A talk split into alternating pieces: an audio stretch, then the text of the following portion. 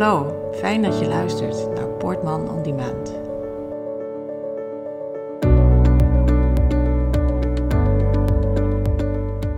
Fijn dat je er kunt zijn. Dankjewel. We gaan het hebben over wat jou bij mij heeft gebracht, zeg Hm. maar. Je bent cliënt van mij al, al jaren inmiddels.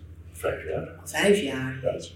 En ehm jij bent oud-diender, heet dat dan. hè? Je was politieagent voor het Corpus Drenthe. Ja. En dan eh, zal nu de luisteraar misschien denken van wat doet dan zo'n man, een oud-diender, bij een letselschadeadvocaat. Kan je daar wat over vertellen? Dat is wel een heel verhaal. Ja. Zou je dat, al die details wel besparen? Ja. Ehm, het heeft, eh, ja, ik, ik heb 30 jaar het uniform al lopen. En eh, alles gedaan wat, wat gedaan moest worden. Mhm. Ehm, en dat heeft me uiteindelijk ziek gemaakt. Ja. Ehm, En wat houdt het dan in? Ziek, ziek zijn door je werk, zeg maar. Ja, ziek door mijn werk. Het heet een posttraumatische stressstoornis. Chronisch. Niet behandelbaar. En eh, werkgerelateerd. Ja. Dus die combinatie maakt dat je, nou ja, uiteindelijk kan je niet meer werken. Arbeidsongeschikt geraakt, gescheiden, eh, eigen kinderen die me niet, eh, niet willen zien, uh, hertrouwd. Nou, een huidige vrouw uh, PTSS opgelopen door mijn problematiek. Ja. En vooral heel uh, verbaal, heel agressief kon zijn. ja, want jij vertelt het nu in een nutshell. Hè? Ja. Zegt, ehm, dan, dan, kijk, dit soort klachten ontwikkel je niet van de een op de andere dag. Ja. Dus heb je een idee, als je terugkijkt, eh, hoe lang je nou met die zeg maar, onbegrepen klachten hebt rondgelopen en ook gewoon hebt gewerkt hè, als diender? Ik denk dat ik ergens in, in uh, 91, 92, misschien begin 93, dat daar mijn eerste klachten begonnen, fysiek. Dus ik dacht van, goh, ik ben nu 40, uh, goh, kom bij pas misschien bij mijn leeftijd. Ik heb nooit aan de bel getrokken, uh, totdat ik uiteindelijk in 98 ja, maar naar de bedrijfsarts ben gegaan. Want, goh, Dan heb je het wel over zes of zeven Ja. jaar later, hè? ja, ja. Er is iets met mij aan de hand, maar ik weet niet wat. Kijk, als Nee. ik mijn kinderen werden aanpakken en ik, en ik doe dat net te stevig, Mhm. ehm, ja, dat, dat, dat, dat moet niet, dat hoort niet. Nee. Dus, ehm, maar ja, die stuurde mij, eh, ja, ik ken jou niet. Nee, ik daar nog nooit geweest. Nee. Ehm, ik was één keer ziek geweest, een paar dagen, met een beginnende longontsteking, maar goed, daar had ik mij niet voor. Nee. En eh, dus een bedrijfsmaatschappelijk werkster. En die adviseerde van, nou ja, je bent 43, eh, ga maar motorrijden. Oké. Nou, daar kwam ik mee thuis. Dat hoefde natuurlijk niet, want eh, Nee. ja, maar, zo werkt het niet.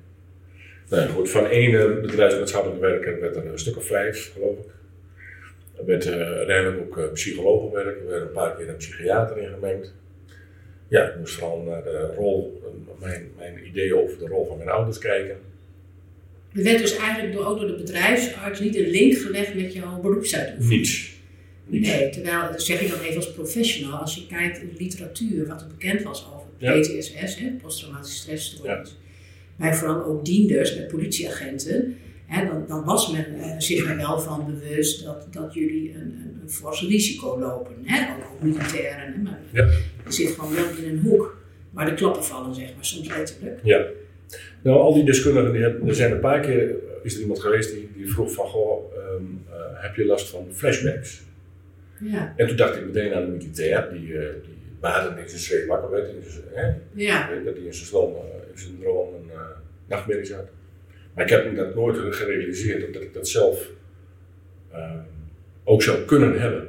ja, Want ik had ze wel, ja, alleen uh, niet in mijn slaap. Dat ik, Nee. dat ik weliswaar niet fit wakker werd, al jaren niet. nee, Achteraf gezien, dat was dat een heel duidelijk signaal. ja, Want uh, uiteindelijk is er uh, in het AMC een slaaponderzoek geweest. ziekenhuis, hè? In het ziekenhuis, uh, onder begeleiding, wetenschappelijk. Dat ik 40 tot 50 keer in mijn slaap bijna wakker word door de stress. Dus Ja. mijn adrenaline gaat gewoon stromen, mijn hartslag gaat omhoog. En dan slaap je dus niet diep genoeg. Ja, dan krijg je dus niet de voldoende rust. Mhm. Waardoor je in een cirkel belandt Ja, waar je niet, niet meer zelf uit kunt komen. En wat Nee. ook niet meer lukt.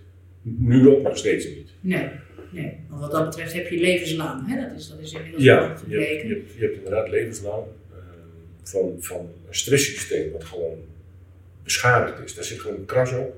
En dat is ook wetenschappelijk bewezen dat, die, dat, dat deel van de hersenen beschadigd zijn geraakt. Ja, want een PTSS is, is een, een heftige psychiatrische aandoening. Hè? Dat gaat verder dan wat mensen misschien wel eens denken van je slaapt wat slecht en je bent misschien wat overprikkeld. Ja. Maar dat is een hele heftige aandoening. Dat is heel heftig. En, en vooral de bijkomende ja, klachten, zeg maar, je fysieke klachten en maar ook psychische klachten.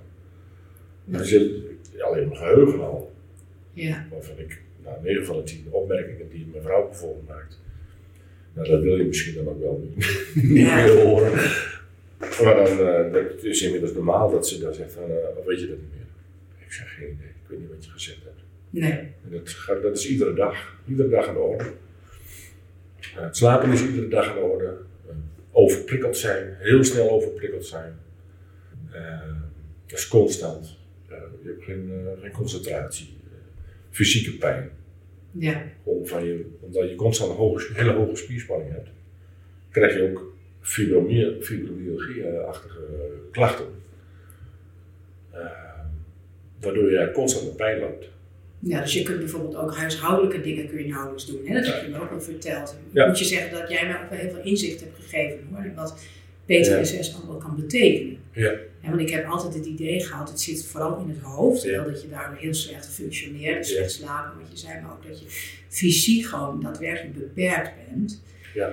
En, en, en, en, en het is natuurlijk ook wel lichaam en geest, hè? Die, die zijn aan elkaar gelinkt. En wat, wat, wat dan in jouw geval ook op een gegeven moment ehm, als een soort van oplossing is gezien, is dat je een hulphond hebt gekregen. Hè? Daar wil ik het straks graag met je over hebben. Maar even, even terug naar, hè? je zei van ik heb 30 jaar als diender gewerkt. Ergens in de jaren 90, begin jaren 90 kwam ik erachter dat het niet goed met mij ging. Nooit de link gelegd met mijn werk en, en trauma's die ik heb beleefd als diender. En dan jaren later, na een hele hoop gesoepatten met artsen in de weer, eh, kom je er dan achter dat je PTSS hebt. Dan moet je vervolgens, je komt er niet zomaar achter, het wordt gediagnosticeerd hè, bij jou. Ja. En dan, eh, dan begint eigenlijk een soort gevecht met jouw werkgever. Dat is volgens mij op dat moment jouw ex-werkgever. Heb ik dat juist? Ja, ik heb in uh, blinde paniek in augustus eh, 2008 pen- ontslag genomen. Na Ja. een ernstig incident waar ik alleen naartoe ben geweest. Eh, het weekend daarna heb ik thuis een boel op, het, op stelte gezet. Waardoor mijn echtgenote zich genoodzaakt zag om de politie te bellen. Er kwamen twee collega's en zeiden, ja, dan kon je dan niet meer buiten het computersysteem houden. En dat was, dat was ook prima. Ja, Ehm, maar toen kreeg ik wel een gesprek met een leidinggevende eh, die me nog nooit gesproken had.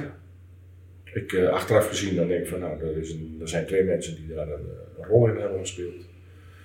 Eh, ik was een van de vele dienders die eigenlijk te groot aantal betroffen, een bepaalde leeftijdscategorie. oh ja. En dus ook te Was waren. boventallig Ik misschien was wel? nou dat nog net niet, maar daar had beter twee van schaal vier Oh, Oké, wat goedkoper. Juist. Dus het, het kwam hen ook wel gelegen, hè, dat jij... eh, Dat gevoel heb ik achteraf gehad. Ja. Maar dan, dan terug naar wat je zei. ehm, er was een heftig incident hè, waar, waar je als diender bijgeroepen werd. Ehm, jouw werkgever wist, althans had dat moeten weten, omdat je in de, hè, bij die bedrijfsarts en zo liep, dat het echt niet goed met jou ging. Eh, maar je bleef gewoon maar je werk uitoefenen. Ja. En dan word je dus eh, ergens naartoe gestuurd. En dat, dat heeft het zoveelste trauma voor jou opgeleverd. Ja. Zeg je achteraf, hè? Ja. En, en dat resulteert dan in die ontslagneming. Eh, wil jij iets vertellen over dat incident? Kan je dat? Nou, kort. Ja. Het was eh, eind juli 2008. Het was bloedheet, meer dan 40 graden. Een man was donderdagsmiddags van zijn werk naar huis gegaan. En verscheen maandag niet eh, op zijn werk. Hij woonde boven een winkel met plat dak. En was gaan douchen, smiddags om 4 uur. En zo troffen we hem met een gloe- gloeiend hete kraan in zijn bad op maandagmiddag aan. Met 40 graden buiten temperatuur. Ik ga nu niet verder vertellen, maar dan ik-. Nee, die had natuurlijke dood gestorven. Ehm, maar door, die, door de combinatie van, die, te- van die, die hoge tem buitentemperatuur en dus ook binnen onder dat platte dak, Ja. plus die hete kraan. Moet ik nu stoppen met het verder gaan daarover te vertellen, dan ga ik hier overgeven. Ja. ja, ik zie dat nu ook bij jou, dat het te veel uh, voor jou is. Neem een slok water. En uh, de eerste keer dat ik, dat ik de, merkte dat dat fysiek zo, zo reageerde, was dat ik met mijn vrouw aan het fietsen was. En zo willekeurig in een, in een straatje. Maar begon ik te kokhalzen. Zomaar spontaan. En toen keek ik om me heen. Toen dacht ik, oh ja. Ergens in de jaren tachtig zijn die twee broers verbrand in de gooi. Waar jij bij geroepen was toen? Ja, op zaterdagochtend. En daar wat er van over was, geruimd. En toen werd het ineens voor mij heel erg duidelijk van bliksem, dit is toch, heeft er toch fors aan ingehaakt. Ik ben toch een mens. Ja. Toch fors en, ingehaakt. Je beschrijft even twee hele nare incidenten. Hè? Twee van de, geen idee hoor, misschien wel honderd. Ik heb geen idee. Zoiets. Maar uh, wat, wat voor aandacht had jouw werkgever daarvoor? Was het gewoon, je komt weer ja, kantoor en je doet je verhaal of zo Ja. en het volgende incident dient zich aan. Ja, ga maar weer, eh, ja, telefoontje, ga maar. Ga maar. Ja, dan ga je de volgende. eh, soms drie op een dag, soms drie weken niet. Nou, daar, daar zit die onvoorspelbaarheid. Als je soms om 11 uur beginnen, uh, ga, ga maar daarheen. uh, dan hangt iemand in de badkamer. Ja. Weet je, waar, uh, waar iedere burger voor weg kan lopen. Ja. kunnen wij niet. Dus je gaat erheen. En uh, ik heb ook altijd gedacht, uh, ik, kan, ik, ik, kan alles hebben, ik kan overal tegen. Ja. Uh, ik, ging, ik was ook wijkagent en ik, ik ging overal alleen naartoe. Maakte me niet uit wat, wat voor melding. En mensen zien jou niet, maar ik zie jou wel natuurlijk en ik ken jou, maar jij oogt als een hele stoere grote kerel. Mm. Dat ben je waarschijnlijk ook wel, maar ieder mens heeft een breekpunt. Hè? Ja, emotioneel incontinent. Ja, ja, zo noem je dat zelf. Ja, dus uh, heel makkelijk huilen, wat ik voorheen nooit deed. Maar dat, de deskundigen ja, weten niet waarom ik wel en iemand anders niet. Nee. Dat is geen, uh, daar, daar, daar kun je geen uitspraak over doen. Ook de wetenschap niet. Ja, jij, jij, jij moet op een gegeven moment knokken met jouw werkgever om je gelijk te krijgen in de zin Ja. van bevestigd te krijgen dat je eigenlijk door je werk en omdat er te weinig aandacht ook is geweest voor jouw problematiek, uh, ziek bent geworden. Hè? Dat, is, dat, is, dat is een gevecht geweest. Um, daarvoor ben je op een gegeven moment ook bij mij uh, terechtgekomen. Ja. Ik zeg het eigenlijk niet helemaal goed. Ik heb mij een beetje Ja, je hebt jezelf gemeld, hè? opgedrongen, zeg maar. Of zie jij dat anders? In? Nee, ik zie dat ook anders. Nee, weet je, kijk, het ging zover dat ik uh, door de UWV, omdat ik zo'n flinke kerel ben, ging ik uh, zeggen van ja, dat kan ik wel, dat kan ik wel. In plaats van dat je het andersom draaien en zeggen van ik kan het helemaal niet. Want die neiging als mens zit er wel in. Dat kan ik nog allemaal. Ja. Moest ik wel 20 uur per week aan het werk. Dat uh, gaf ook meteen de helft van de, van de uitkering. Ja, want jij was geen diener meer, je had ontslag genomen, dus je moest maar zien dat je financieel je hoofd boven water hield. Oh. Ja, eerst een aantal maanden WW, vervolgens heb ik muziek gemeld, want ja, het ging toch niet. En, uh, probeer een ander baantje, ben als taxichauffeur. Uh, nou, bewust al niet uh, de taxi in het uitgaansleven. Nou, dus dat, dat, dat, duurde drie, vier jaar. Totdat ik, totdat mijn vrouw in 2013 een brief stuurde aan de korpschef. Van, nou, nou moet je ophouden met deze flauwekul. Want je, je, moet weten wat je teweeg brengt door deze houding. Mhm. Mm -hmm. Alleen daar werd niet op gereageerd. We weten inmiddels wel waarom niet, maar dat, dat wisten we toen niet. Nou, eigenlijk werd je genegeerd. Hè? Je was als het ware gedebiet ja. als, als diener. Je, ja. je, was er gewoon niet meer nee. voor de politie. Ik zag ook nooit iemand. Er kwam nee. ook nooit iemand bij me op bezoek of zo. Dan maar, oh, hoe kan dat nou? Nee. Want er werd bijna de, ge, ge, ge, gefeest. Nou, dat, dat gaat nog wel heel ver. Maar, uh, oh, die heeft de ontslag genomen. Oh, ah, oké. Okay. Ja. Nou, 30 jaar, weet je. Ja, dat doe je niet zo, maar ik ben 30 jaar, lang ingezet voor de goede zaak, ja. maar even. Ja. En dan... Ik heb me kapot gewerkt. Ja. Dat, dat durf ik dan nu wel te, te stellen. Jij, jij, jij, was, jij was op een gegeven moment, uh, dat zag ik althans, in een uitzending van Radar. Zembla. Zembla, sorry, van Zembla. En, en, en daar heb jij uh, eigenlijk aandacht gevraagd voor deze problematiek. Hè? Ja. De, jouw zaak, zeg maar. Ja. Stond daarin centraal, maar je hebt daarin ook aangegeven dat dit speelt voor zoveel dienders. Ja. En de politie gaat daar zo ontzettend slecht mee om.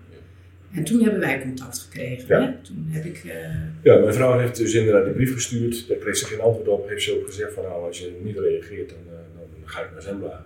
En dat heeft ze gedaan. Dus die eh, hebben opnames gemaakt. Niet alleen van ons, maar ook van nog eh, twee collega's erbij. En eh, die werd op, uitzending was op 14 februari 2014. En die sloeg in als een bom. En naar aanleiding van deze uitzending die jij bekeken hebt, heb jij ja, mij zeg maar gemeld mhm. van goh, ik wil jou bijstaan. En ja, dat vond ik fijn. Maar ja, alleen ik wist bij God niet wat ik met hem moest. Want ik ging het liefst onder de tafel liggen. Ja, was zoveel stress, eh het leverde alles op. ja, Dus dat heeft nog bijna anderhalf jaar geduurd, denk ik. ja, Voordat ik me bij jou eh, opnieuw gemeld heb. Collega in het oude kantoor nog. klopt. Ja, mijn overbuurman. En ehm, nou ja, we zijn inmiddels eh, weer een paar jaar verder. En het lijkt nu toch voorzichtig aan eh, zich ten goede te keren. ja, want we hebben uiteindelijk weten te bewerkstelligen dat ehm, de politie de verantwoordelijkheid heeft genomen. Ja. Er zijn excuses gemaakt. Eh, er was op dat moment ook nog een meneer werkzaam bij de politie. Eh, mag ik zijn naam noemen of niet? Wil jij zijn naam noemen? Ja, maar gewoon, Teus van Houweling bedoel je? Nee, nee. Nou, bedoel je- De, de, de, de- degene die jou goed gezind was. Joost Tonino. Jastelino. Ja. Die, die, eh, die heeft zich echt op alle mogelijke manieren ingezet voor mensen zoals jij. Ja. Die eh, had, hij- er was de linkerhand van Gerard Bouwman, de toenmalige korpschef, die helaas te vroeg overleed. En het veld moest ruimen. Maar die, heeft zich, eh, die, had, die had het over een ereschuld. Ja, En dat is, dat is Jos, heeft dat, eh, eh, is dat blijven volhouden. ja, De ereschuld, zoals Gerard Bouwman die heeft genoemd, ja, wij, dat zijn wij verplicht aan deze mensen. Want die hebben zich jarenlang, wat ik, allemaal met de collega's van dezelfde leeftijd ook. Hè. Inmiddels beginnen ze jonger te- uit te vallen. Maar ik zit in een categorie zo tussen de 55 en de 65. Maar verreweg de meeste, nou, zegt ze 1200 man, ja, ehm, in allerlei gradaties eh, ziek zijn. Ja, nou, de- de- deze meneer die, die heeft ook wel tegen, tegen mij gezegd dat hij het persoonlijk moest opnemen tegen de, de wat, wat hogere machten. Hè? Ja. Dus, maar hij heeft, zich, eh, zijn, hij heeft zijn nek uitgestoken voor onder andere mensen zoals jij. En ik heb ook wel het idee dat mede dankzij hem we de zaak hebben weten vlot te trekken. Ja. Ehm, deze man werkt daar niet meer. Eh, ik, ik merk zelf bij andere dieners die ik ook wel bijsta dat het sindsdien ook wel eh, echt wel ingewikkelder is. Hè, ze zijn minder snel geneigd nu om de verantwoordelijkheid te nemen. Ja. Ehm, voor jou hebben we dat gelukkig weten te bewerkstelligen en we zijn eigenlijk nu zo ver dat we, ehm, zoals ik het dan maar noem, er een klap op kunnen geven. Hmm. Dus dat jij schadeloos gesteld wordt, dan heb je het over in financiële zin gecompenseerd wordt. En dan kun je wat dat betreft eh, een streep zetten onder de, alle ellende die je hebt beleefd met je voormalig werkgever. Ja. Waarmee je natuurlijk nog niet een streep kunt zetten onder eh, jouw aandoening, want daarvan zeiden we al, jij hebt gewoon levenslang. Ja. En eh, deze, deze podcast is e- eigenlijk te kort hè, om volledig uit de doek te kunnen doen van wat Ja. betekent dat nou eigenlijk voor jouw leven. Eh, maar je hebt wel daar iets over verteld. En ik zei al, je hebt een, een hulphond ook gekregen. Ja. Ehm, een hulphond, dan denken mensen misschien aan iemand die blind is of iemand die eh, lichamelijk heel erg eh, beperkt is. En, en niet zo snel iemand met een PTSS. Nee. Dus, eh, de- Ja. Deze hond is voor jou heel belangrijk. Ja. Ehm, onder elkaar zeggen we van, eh, want in 2013 zijn in Nederland buddyhonden eh, actief geworden. Buddyhonden, ja. Buddy. Ja, althans elkaar geen verleiding, heet het een buddy. Ja, Ehm, en eh, inmiddels zijn er ook een stuk of 35 honden actief in Nederland, van bij KGF vandaan. ja, Ehm, en in televisiereclame wordt bijvoorbeeld ook de link gelegd tussen een blinde die niks ziet, of heel weinig, ja. en iemand met PTSS die te veel heeft gezien. Oh ja, ja. Of het nou militair is, of eh, een ambulancemedewerker, of de brandweer, of politieman, vrouw. Ja, er zijn ook vrouwen Ja, met, eh, met een buddyhond. Ja. En Ja. heeft, heeft de politie daarin jou ook ondersteund? Of van, ja, zo'n buddyhond is, is... Nou, meneer Gerard Bouwman heeft destijds er een klap op gegeven. Ja, En gezegd van, eh, dit gaat ook voor mijn, mijn dienders, zo zei hij het ook. ja, Mijn dienders eh, invoeren. ja. Dus ook op werkbezoek geweest bij KGF. En gezegd van, eh, dit, dit, dit moet klaar zijn. Geen twijfel meer. We zijn bij zijn uitvaart ook met tien collega's geweest. Met Buddyhond. Als eerbetoon. ja. in de, in de, bij de kerk, zeg maar, de buiten een opstelling. Maar dat, dat terzijde, want wat die hond voor mij betekent is dat ze, nou bijvoorbeeld, ze moet vier keer per dag eruit. Dat betekent voor mij dat ik in ieder geval ook vier keer per dag naar buiten ga. Ja, want eigenlijk had je jezelf wat opgesloten. Ja. Je durfde niet meer naar Ik buiten. ging niet meer naar buiten, behalve wanneer ik aan het werk moest. Ja. En voor de rest, eh nou, maar niet- me niet bewust dat daar, ja, dat, dat erachter zit. Maar wat, wat doet de hond dan precies? Nou ja, ze registreert bij mij stress. Mhm. Als de stress oploopt, eh, dan komt ze langs zij. Zo ik met ze eh, uitleggen. Dan eh, moet ik de, de, de slag in mijn hoofd maken van oké, er is kennelijk iets aan de hand. Dus richt ik me op de hond. Ja. Dus richt mijn, mijn gedachten, ehm, haalt ze weg. Mijn eigen gedachten brengt, brengt ze over naar, zich- naar haar. ja. Dat, dat Dat maakt jou weer rustig. zeg. En dat, dat geeft bij mij eh, eh, minder stress. Ja. En dat is ook aan, eh, aan de doorgang weg, wat wonen we. Of bijna. En ik waren aan het wandelen. En ik liep een stukje alleen met de hond. En de, de eerste auto die achter me kwam, daar raakte ik van in paniek. Mhm. Terwijl ik op de fietspad liep. En de auto er wel drie meter opzij. Maar gewoon door, door de herrie die dat produceerde, raakte ik in paniek. En moest ik weer schakelen van, oké, dan ga ik op de hond richten, want dan, eh dan zakt die, die stress weer weg, die Ja. angst. Ja. Nou, dat gebeurt dan ook Ja. vrijwel onmiddellijk. Of, Dus je kan het anderen aanbevelen, zeg maar. ja, Ja. Je hebt wel wat getwijfeld, kan ik me nog herinneren. ik heb wel getwijfeld. Ja, ja ik heb keihard moeten werken eh, om zo ver te komen. Eh, dat ik, nou ja. Kijk, als je in je eentje naar een dodelijke aanrijding gaat, dan wordt er wat iets van je verwacht en dan ga je dat doen. Dan heb je de leiding en dan weet je allemaal precies wat je moet doen. Maar nu moet ik dat, dat, dat stokje overdragen aan die hond. En die, die moet je het initiatief laten, Ja. eigenlijk. Ja, ja. Ik moet mijn gedachten overgeven aan die hond. ja. De regie wat loslaten. de regie wat loslaten. Ja. En, eh, nou ja, dat is de enige manier om ook een beetje fatsoenlijk te overleven, zeg maar. Ja. Ja, op de supermarkt, eh, voorheen, voordat zij er was, dan moest ik na die tijd eh, slapen. Zo uh, af was ik dan. Ja. En zo'n soort witte tornado door zo'n winkel eh, denderen.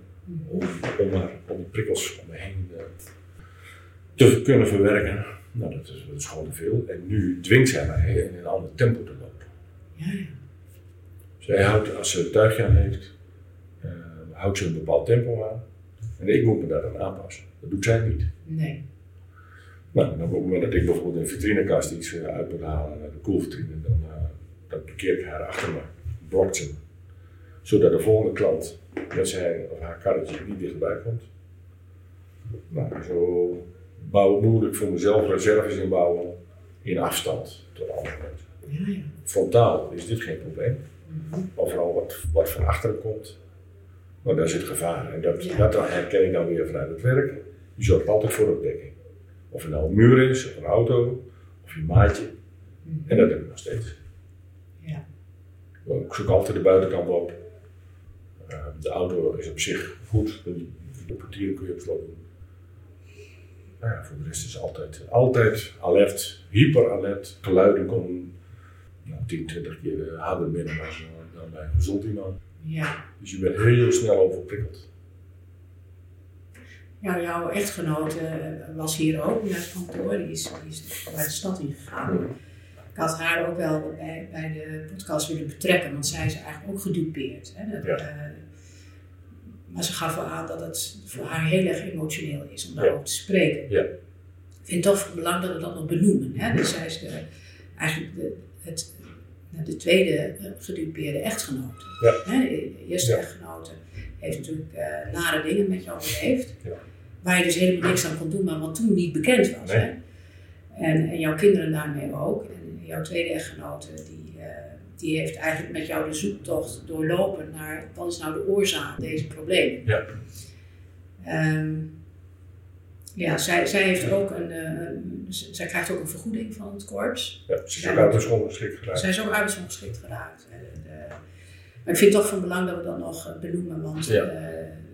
dienders met dit soort problemen, hè, politieagenten met dit soort problemen, die, ja, die zorgen voor een soort olie, olievlek. Hè? In de Ja. zin van de hele omgeving raakt als het ware ook besmet met, Ja. met de PTSS. Ja. En dat is natuurlijk afschuwelijk. Als je, eh, tot slot, ik wil eigenlijk gaan afronden, want voor het te lang verhaal ben ik bang. Uh, hoewel we volgens mij een hele middag zou. Maar eh, als je terugkijkt, ehm, wat, wat, wat, wat zou nou het korps anders hebben moeten doen volgens jou? Nou, dat is een goede vraag. Ja. Als de wetenschap het dan niet weet, Mhm. Hoe, je, hoe je het kunt voorkomen. Hè, men, 5% van de mensheid kan het, kan het oplopen. Dat zijn dus best veel. Ehm, nou ja, weet je, mijn vrouw Betsy heeft, eh, heeft blogs geschreven. En daarvoor heeft ze, die heb ik doorgestuurd aan Joost Tonino. Waar we Ja. net over hadden. En die heeft het doorgezet naar de huidige korpschef Erik uh, Akerboom. Ja. En eh, na de derde blog heeft Joost Tonino tegen Akerboom gezegd, je moet die vrouw eens uitnodigen. Want in die blogs vroeg zij aandacht voor de partners en de kinderen. Ja. En omdat we heel veel contacten hebben in de rest van het land, werd hij dus ook door iedereen, kon iedereen hem ook lezen via Facebook of Mhm. via Instagram. En kreeg, kreeg zij ook heel veel bijval. ja. Dus dat, ging, dat hele verhaal ging naar Den Haag. Ehm, Maar als je en maar hij heeft, ja, ja, maar hij heeft, hij, in, hij, hij heeft haar uitgenodigd. Dus is er twee keer geweest. En in die gesprekken kwam onder andere aan de orde dat eh, zij naar het buitenland kijken, hoe ze dat oplossen. Iemand die voor de trein springt. Mhm. Wat is het huidige, huidige gebruik? Is dat een complete brandweereenheid naartoe gaat, tien man. Ja. En dan vier, vijf politie-eenheden. Meestal moet er een heleboel worden opgeruimd. Allemaal kleine stukjes. Ja, menselijke resten. Menselijke resten. Ja, de-. En in Duitsland hebben ze inmiddels het gebruik dat daar maximaal twee brandweermensen en twee politiemensen naartoe gaan, Mhm. worden gestuurd. Om, kijk, als je die, die voltallige opgetuigde eenheden daar naartoe stuurt, dan moet je aan twintig man nazorg bieden, zeg maar. Mhm. En nu maar aan, aan twee of aan vier. Ja. En die nazorg wordt dan ook geboden? Die, daar wordt die geboden. Hier heet het dan, eh, eh, voorheen heette dat het bedrijfsopvangteam. Maar dat, waren heel veel, dat zijn- dat zijn naaste collega's die ergens anders misschien werken en telefonisch eh, contact doen. En als ik meestal zeg van, ah, het gaat me goed joh. Dus nou, daar wordt het gesprek weer afge, afgekapt, Mhm. of afgebroken. En, je hebt geen idee van dat dit überhaupt kan gebeuren. Nee. Maar kijkend naar eh, eh, jou als mens, moet je je dus eigenlijk per incident afvragen: wat heeft dat met mij als mens gedaan? Ja. Niet als eh, instrument, want uiteindelijk ben je, ben je maar een instrument van de overheid. Mhm. Nee, als mens. En dat, dat kan niet goed gaan, dat kan niet goed zijn voor, voor een mens. Nee. Dat Dus eigenlijk zou je van, van, van het korps mogen verwachten dat er vanuit de bedrijfsartsen heel duidelijk aandacht is voor dit levensgrote risico. Op het moment dat een diender een mogelijk traumatische gebeurtenis heeft beleefd, dan zou je dus eigenlijk het standaard moeten melden aan een bedrijfsarts. Ja. Eh, ik stel me voor ook dat, hij een psycholoog, dat er een psychologenteam is of wat dan ook. Eh, zodat die ook een, een vinger aan de pols kan houden en wanneer het echt dreigt mis te gaan, dat er ook kan worden ingegrepen. Ja. Nu lijkt het zo te zijn alsof het niet echt eh, een, een zichtbaar probleem eh, mag zijn. mag zijn. Hè? En, en, en, en, en, en zolang men niet eh, volledig ontspoort, nou, dan is het er gewoon niet. Ja. Maar op het moment dat iemand ontspoort, dan is het eigenlijk al een beetje te laat. Dat is dan te laat, dan krijg je al van nou, schorsing en, en dan Ja. interne onderzoeken. Ik, bedoel, ik heb ook iemand bij mijn voordeur een knal voor zijn kop gegeven. Mhm. Omdat hij mij daar kwam bedreigen. In aanwezigheid van mijn vrouw en mijn jongste dochter. Ja, Met, met zo'n enorme hamer. ja, Weet je, dat, eigenlijk was dat toen wel een signaal. ja. Maar ja, weet ik veel. Dus, dus, dus concreet toch, hè, probeer ik wel hoor, Ja. dat, dat, Ja. dat, dat ehm, vanuit het korps echt wel goede medische teams, multidisciplinair wellicht, worden opgetuigd specifiek. ehm, ter voorkoming zal het misschien niet, nou ook wel ter voorkoming, maar in ieder geval ter bestrijding ook van de van, Ja. eh, gevolgen van trauma's. Ja. Want die onderga je als politieagent. Ja. Hoe dan ook. Je hebt geen idee dat dat, nee, je hebt geen idee dat het een trauma is, maar in, bij de GGZ hè, in, in, eh, staat een traumatische gebeurtenis, staat gewoon omschreven Mhm. wat dat nou inhoudt. Ja, Niet welk feit, wat, hè, wat daar gebeurd is, nee, maar wat voor ieder normaal mens Mhm. wel eh, een soort ontreddering geeft. ja. Dat is het eigenlijk. En een politieagent is ook een normaal mens, hè? Ja, maar je moet maar doorgaan. Je gaat door. Je Ja. gaat van de trein, je gaat naar, naar een verkeersongeval en naar een suïcide. Ja. Ja. Dat stopt niet. Het houdt gewoon niet op. Nee. En dat, dat is het hele lastige, want die 24 uur moet wel draaien. Maar goed. Maar en heb je het idee dat, dat het korps daar op dit moment wel meer aandacht voor heeft? Of is het nog steeds onderbelicht? Maar we- via die gesprekken weten we wel dat er wel pogingen worden gedaan. Hè? Een beetje, of het nou weerbaarheidstrainingen en Pogingen landelijk. worden gedaan, dat is niks. eh. Eh, ja, Nee. dus de praktijk moet het uitwijzen. Ja, Maar er vallen nog steeds mensen uit. ja. Dus, Zullen we het hierbij laten? dat is goed. Is er nog iets waarvan je zegt dat we dit nog kwijt? Het is van belang dat, dat de toehoorder dit weet. Ja, het is ook, het is ook een, een ehm, appel aan de maatschappij. Weet je, want we hebben nu alleen maar over eh eh, verkeersongeval, maar dat is voor iedereen voorstelbaar. Hè? Kan iedereen zien en eh suïcide kan ook iedereen zien. Maar het geweld en het dreigen met geweld, zoals bijvoorbeeld in het uitgaansleven. Men heeft tegenwoordig, en al jaren, het woord doodmaken Mhm. van jou als uniformdiender voor in de mond. Ja. Dus je bedoelt eigenlijk geweld richting de hulpverleners, Ja. waaronder agenten. Ja. Ja. Voor in de mond. Ja. Alsof, en of, allemaal alsof het een vrijbrief is. Want het uniform, nou, dat kan er al wel zeggen. Ja, dat uniform wel. Doe hem maar uit en dan vertrap hem maar. Dat is prima. Maar er zit ook nog een mens in. En het, de psychologie heeft het over dat, het, dat geweld, het dreigen met geweld, nog veel harder binnenkomt dan dodelijke aanrijding. Die, die, je raakt je wel als wezen, als mens. Mhm. Daarvan ga je, je gaat twijfelen aan jezelf. Van, heb ik dat nou wel goed gedaan? En dat gaat maar door, en dat gaat maar door. Dat wil je eigenlijk kwijt. Dat- dat men zich daar meer van bewust zijn wat voor een impact dat heeft Juist. op onder andere dienders. Ja. René, dankjewel voor dit gesprek. Graag gedaan.